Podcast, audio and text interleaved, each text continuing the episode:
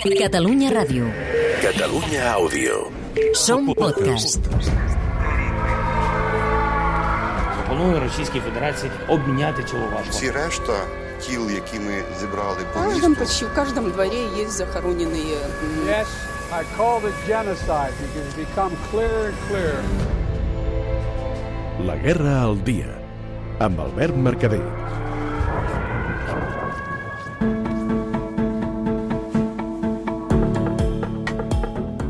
Bona nit.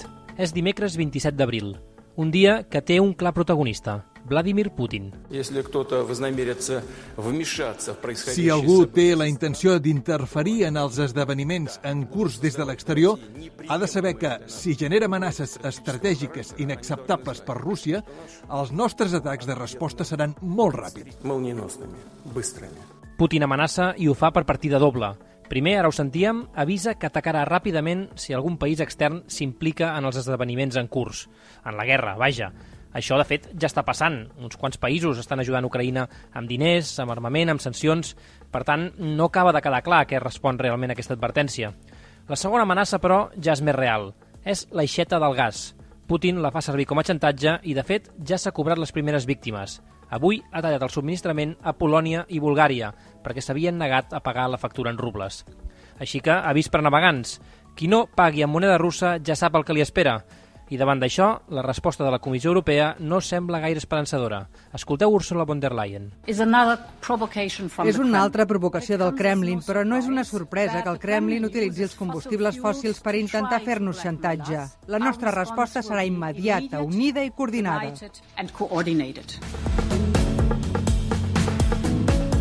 Pel que fa al flanc militar, el focus continua posat a l'est i al sud del país.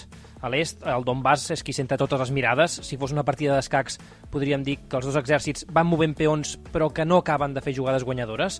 Avui, Rússia diu que ha destruït amb míssils un dipòsit d'armes ucraïneses a Saporígia i Kiev diu que Rússia ha bombardejat l'hospital de Lugansk i també la siderúrgica Azovstal, a Mariupol.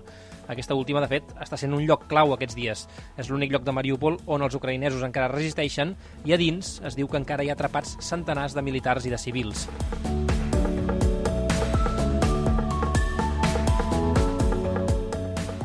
Tot això avui us ho expliquem des de Butxa, un suburbi al nord de Kiev. És un altre dels noms que passaran per sempre més a la història negra d'Europa. Segurament us soni el nom de Butxa.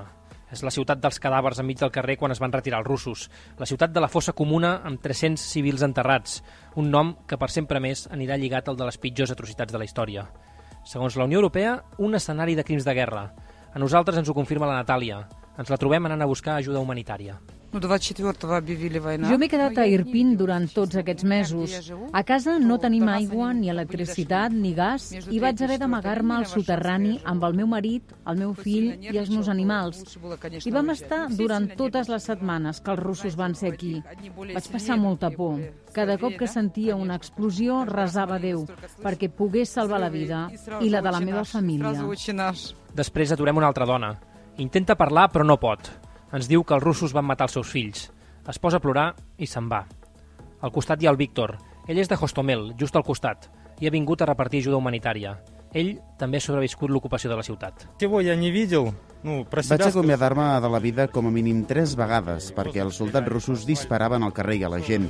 Em paraven i miraven si tenia algun blau, alguna marca a l'espatlla per comprovar si era soldat o no.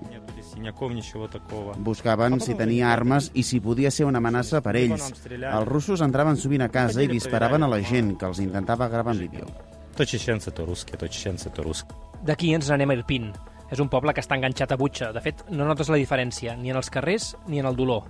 Allí podem entrevistar l'alcalde. просив поки що не повертатися. Demano a la població d'Irpin que no torni encara. Hi ha bombes als pisos, als parcs infantils, als boscos. Hem de trobar aquests explosius i assegurar-nos que no en quedi cap. De moment no hi torna la gent, però sí la música. Avui ens acomiadem com ens ha acomiadat Irpin.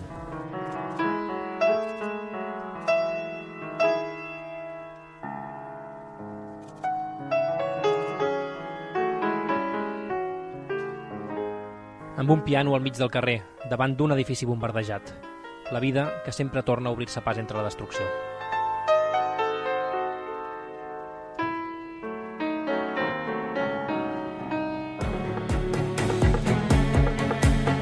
La Guerra al Dia és un podcast dels enviats especials de Catalunya Ràdio a la Guerra d'Ucraïna.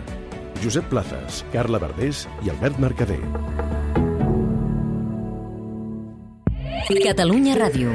Catalunya Àudio. Som podcast. podcast.